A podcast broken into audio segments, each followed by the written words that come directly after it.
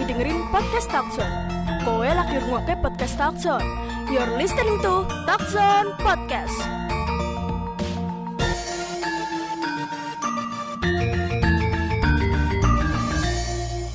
Assalamualaikum warahmatullahi wabarakatuh. Salam sejahtera bagi kita semua. Shalom. Om Swastiastu. Nama budaya Dan salam kebajikan. Halo teman-teman, selamat datang di Talk Zone. Di sini kita mau bahas apa sih, Dis? Bentar, bentar. Ini kita belum perkenalan, masa udah mau masuk ke topik pembicaraan? Kan ada pepatah tuh. Tak kenal maka tak Sayang. Oh, oh tidak. Tak kenal maka kenalan. Jadi alangkah baiknya kita kenalan dulu. Peribahasa baru tuh. Oh iya, ada Hafiz di sini. Ada Dista di sini. Nurul di sini. Vira di sini. Dan ada Radi di sini. Nah, karena udah perkenalan semuanya nih, jadi yang dengerin udah pada tahu kan kita tuh siapa sih. Nah, kemarin tuh aku lagi buka-buka HP kan lagi scroll-scroll gitu. Terus aku nemu berita, aku baca-baca. Akhir-akhir ini tuh ada yang lagi viral loh. Apa tuh? Ada bom di gereja katedral Makassar. Pasti kalian udah pada denger kan? Udah. Pasti udah sih. Itu ramai banget sih ada di mana-mana mulai dari TV, Instagram, Wus. Twitter, Wus. grup WhatsApp keluarga, siap. sampai Facebook emak-emak semuanya heboh siap. sih itu. Iya. Ya loh, dengar-dengar pelakunya tewas dan mereka suami istri kan. Iya, dengar-dengar juga mereka baru menikah kan? Istrinya juga baru ham- hamil 4 bulan. Wah wah wah. Buat apa ya mereka berani ngelakuin itu? Nah, mereka tuh pengen kondisi Indonesia tuh kacau yang buat menciptakan ketidakpercayaan pada pemerintah. Yang pada kaitan kasus ini mereka ingin memecah belah persatuan Indonesia. Waduh, jadi nggak ada rasa toleransi ya di antara mereka. Iya. Tapi puji Tuhan waktu itu gereja katedral udah selesai melaksanakan ibadah yang di mana jemaatnya udah pulang. Jadi nggak ada korbannya dari jemaat. Cuma luka-luka ringan aja. Terus kalau dari pihak gerejanya gimana? Dari pihak gerejanya menerapkan jemaatnya untuk mengampuni dan memaafkannya supaya nggak ada balas dendam. Terus keluarga mereka yang ditinggalkan juga tidak dimusuhi oleh jemaat gereja. Wah itu bener banget sih lebih baik diselesain aja gitu daripada bales-balesan kan ntar malah nggak ada habisnya malah tambah Nah, lagi benar, kan benar, masalahnya Bener Bener bener. banget sih itu. Eh mau tanya dong, boleh-boleh tanya apa tuh kalau di agama Islam tuh apakah ada kepercayaan untuk melakukan suatu tindakan yang kayak dilakukan pelaku? Bantu jawab nih, bantu jawab ya. Dalam keyakinan Islam itu tindakan yang diperbuat pelaku itu jelas nggak dibenarkan. Mungkin mereka salah paham aja, karena dalam Islam ada yang namanya mati syahid. Nah, lebih sempil, simpelnya, mati syahid itu mati dengan berjuang atau berkorban untuk kebaikan Islam. Di zaman Nabi, mati syahid bisa dilakuin dengan ikut berperang, membela umat Islam. Nah, di masa modern sekarang, mati syahid juga bisa dilakuin nggak cuma dengan kekerasan, bisa juga dengan menuntut ilmu untuk kebaikan. Si pelaku ini mungkin ingin menerapkan kegiatan berperang itu, tapi dengan cara yang salah dan tujuan yang kurang tepat. Oh, jadi si pelaku salah paham aja ya? iya Iya bener bener. bener. Oh iya ngomong-ngomong tentang konflik agama, aku ada cerita nih. Apa, tuh? Jadi waktu SD dulu kan aku sekolah di salah satu SD negeri yang ada di Solo. Nah kebetulan di kelasku tuh satu kelas agamanya dicampur gitu Islam Islam sama Kristen. Kebetulan aku di kelas tuh termasuk minoritas ya dari 27 siswa, ada 25 siswa Islam dan dua siswa Kristen. Nah, gara-gara itu aku jadi sering diajak-ajak gitu di kelas sama dikata-katain. Gini contohnya. Nabi gadungan we meh dadi Tuhan yang artinya Nabi bawangan aja mau jadi Tuhan. Bah- bahkan ada yang melesetin lagu gereja jadi bahan candaan gitu kayak gini. Haleluya Yesus akan koya. Nah, aku kan sebagai orang Kristen pasti sakit hati ya dan bawaannya pengen marah terus gitu. Nah, apalagi itu kan masih kecil jadi belum bisa mikir panjang gitu. iya bener Nah, aku sebagai orang Kristen kan pasti sakit hati ya bawaannya pengen marah terus gitu. Apalagi gitu kan itu masih SD. Jadi belum bisa lah mikir panjang. Akhirnya aku ngajak temanku tuh buat berantem sampai dipanggil guru. Siapa yang menang? kan gitu dong pertanyaannya Terus waktu dipanggil guru, pertama kali yang ditanyain guruku itu, kenapa kalian berantem? Habis itu aku jawab gini, itu bu si A ngejek-ngejek agamaku, sampai-sampai dia bilang haleluya Yesus akan koya.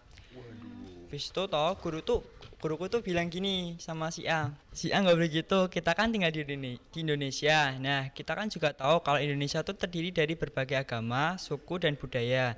Jadi kalian tuh harus saling menjaga satu sama lain agar tercipta lingkungan yang serasi di lingkungan apa di sekitar kita.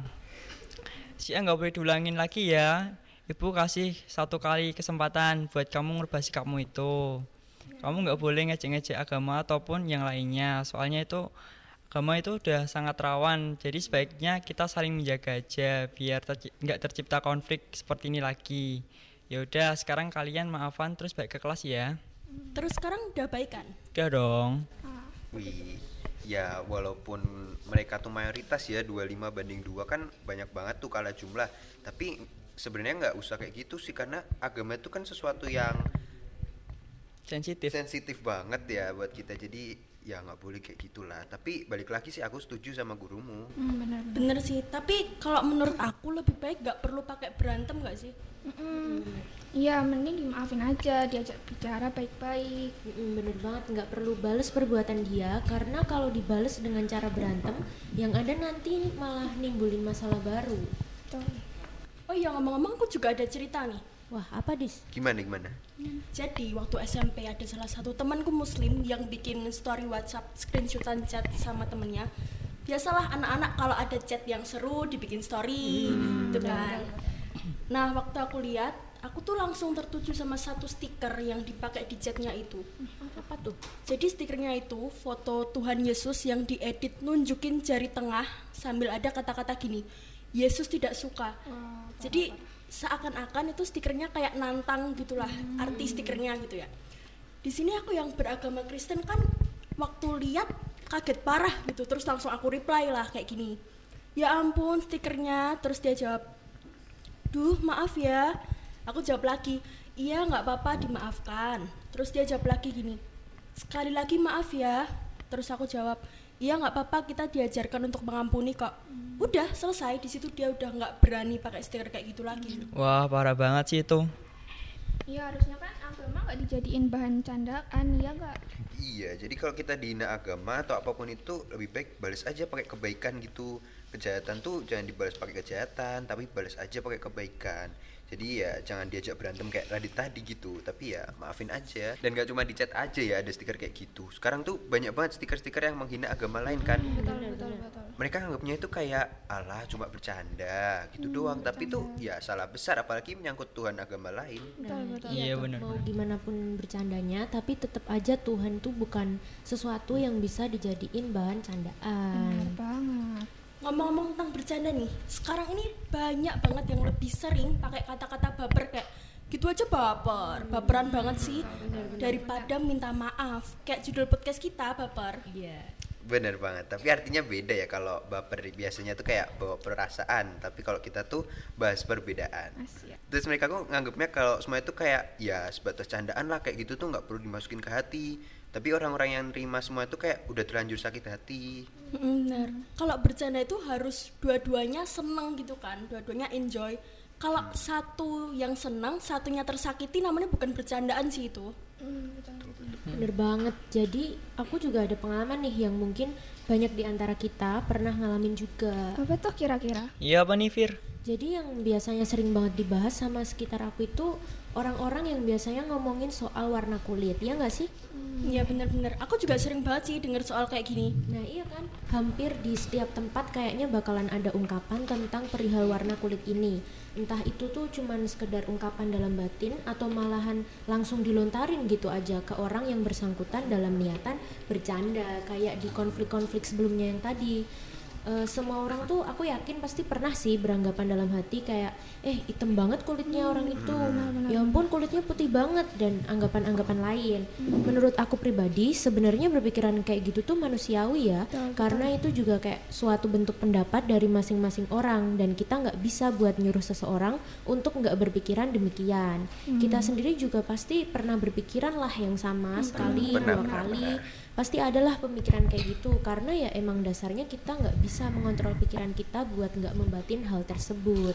Hmm, tapi menurutku kalau di sini konteksnya si pembatin ini nggak melontarkan ungkapan di dalam hatinya tersebut, mungkin konflik tentang perbedaan warna kulit nggak bakalan ada. nah iya bener banget soalnya semua kembali lagi ke bagaimana cara kita biar bisa menahan omongan untuk nggak mengucapkan sesuatu yang sekiranya bisa menyakiti perasaan orang lain Nah kadang tuh omongan orang-orang tuh malah bikin kita ngedown gitu loh. Hmm, bener Hmm. Nah, tadi kan Hafiz bilang kalau bullying itu bisa bikin kita ngedown. Nah, ternyata itu bisa berdampak juga ke sebuah tanda kutip insecure, ya nggak? Benar, Iya sih, benar. benar-benar. Nah, misal tadi ada yang beda-bedain warna kulit yang berdampak ke salah satu pihak, jadi nggak percaya diri alias insecure sama dirinya sendiri. Bener. Bener. Di zaman sekarang ini juga penampilan tuh jadi poin yang penting banget di keseharian kita nggak sih? Iya benar-benar. Bahkan dalam mencari pekerjaan kadang juga dilihat dari penampilan. Walaupun memang penting bagi kita untuk menjaga penampilan, tapi kalau penampilan saja yang ditonjolkan akan menjadi masalah. Sekarang pun penampilan yang dicari adalah penampilan dengan standar yang tinggi. Contohnya di Indonesia itu harus kurus, putih, muka mulus, pokoknya shining, shimmering, splendid. Iya benar-benar benar. Tapi kadang jadi kasihan nggak sih kalau harus memenuhi standar yang tinggi gitu. Pasti kan nggak bisa cuma modal air wudhu aja kan. Pasti butuh modal uang yang besar ya buat beli skincare, perawatan. Belum lagi kalau skincarenya nanti nggak cocok dan lain-lain. Hmm, Nah, bener banget, Fir. Kalau nggak gitu, pasti kita akan ngerasa insecure yang berakibat kita nggak pede kalau diajak ke mana-mana atau diajak foto bareng kayak di hati tuh ngerasa ih mukaku jelek banget, mukaku banyak jerawat dan lain-lainnya. Kayaknya Nurul pernah nih ngerasain insecure ya, sampai paham banget sama bahasa batin orang yang insecure. Ayo. Nggak Mas boleh, nggak boleh, nggak gitu. boleh kayak gitu. Nah, habis bener banget, tapi emang pernah ngalamin juga sih. Aku kan tipe orang yang nggak terlalu mentingin penampilan ya. Terus juga buat ngerawat muka aja, kayak ya tergantung mood. Awalnya sih masih oke-oke aja, tapi lama-lama kayak ngerasa temen-temen tuh pada cantik-cantik, ganteng-ganteng. Glow up gitu ya, Mbak. Hmm, benar benar benar glow up. Oh. Nah, itu jadinya aku ngerasa nggak pede kan ya jerawat di sana sini. Nah, dari situlah aku ngerasa insecure dan mulai buat ngerawat diri. Tapi tetap aja kayak masih ada yang kurang. Hmm, bener banget sih mbak. Namanya manusia pasti nggak akan puas sama sesuatu. Pasti pengennya lebih aja sama kayak di penampilan. Padahal orang lain tuh udah bilang kamu udah cantik kok, udah ganteng kok. Tapi di hati tuh pasti masih ngerasa belum cukup. Benar benar benar. Iya benar banget. Bener-bener. Eh BTW ngomongin insecure insecure aku ada perumpamaan nih buat kita biar bisa lebih mensyukuri apa yang kita punya. Apa Wah, tuh? Apa tuh? Jadi gini ceritanya, kurangi insecure perbanyak bersyukur. Asik. Ada satu perumpamaan. Kalau kamu punya satu kamar nih, isinya cuma kasur sama TV, tapi kamu tuh ngeluh kalau kamarmu sempit gitu-gitu kan. Coba deh kamu masukin satu meja sama kursi di kamarmu. Terus minggu depannya kamu masih ngeluh lagi kalau kamarmu tuh malah tambah sempit. Nah, kamu tambah lagi deh satu barang lagi, tambahin meja satu lagi. Nah, terus minggu depannya keluarin barang-barang yang dari kemarin tuh udah kamu masukin. Kamu pasti bakal ngerasa deh kamarmu tuh jadi lebih luas atau lebar. Benar benar benar. Nah, padahal kan kamarmu nggak tambah besar, padahal kan nggak Oh direnov. iya benar. Nah, mulai dari sini kita tahu jika kita dapat mensyukuri segala sesuatu dari Tuhan. Mulai dari hal yang kecil sampai yang besar itu akan lebih dari cukup. Jadi mulai sekarang jangan lagi ya buat insecure. Bersyukur aja sama apa yang kita punya. Setuju banget sih kalau kita bisa mensyukuri apa yang Tuhan berikan kepada kita, walaupun itu sekecil apa pun pasti kita merasa bahagia. Hmm, betul betul.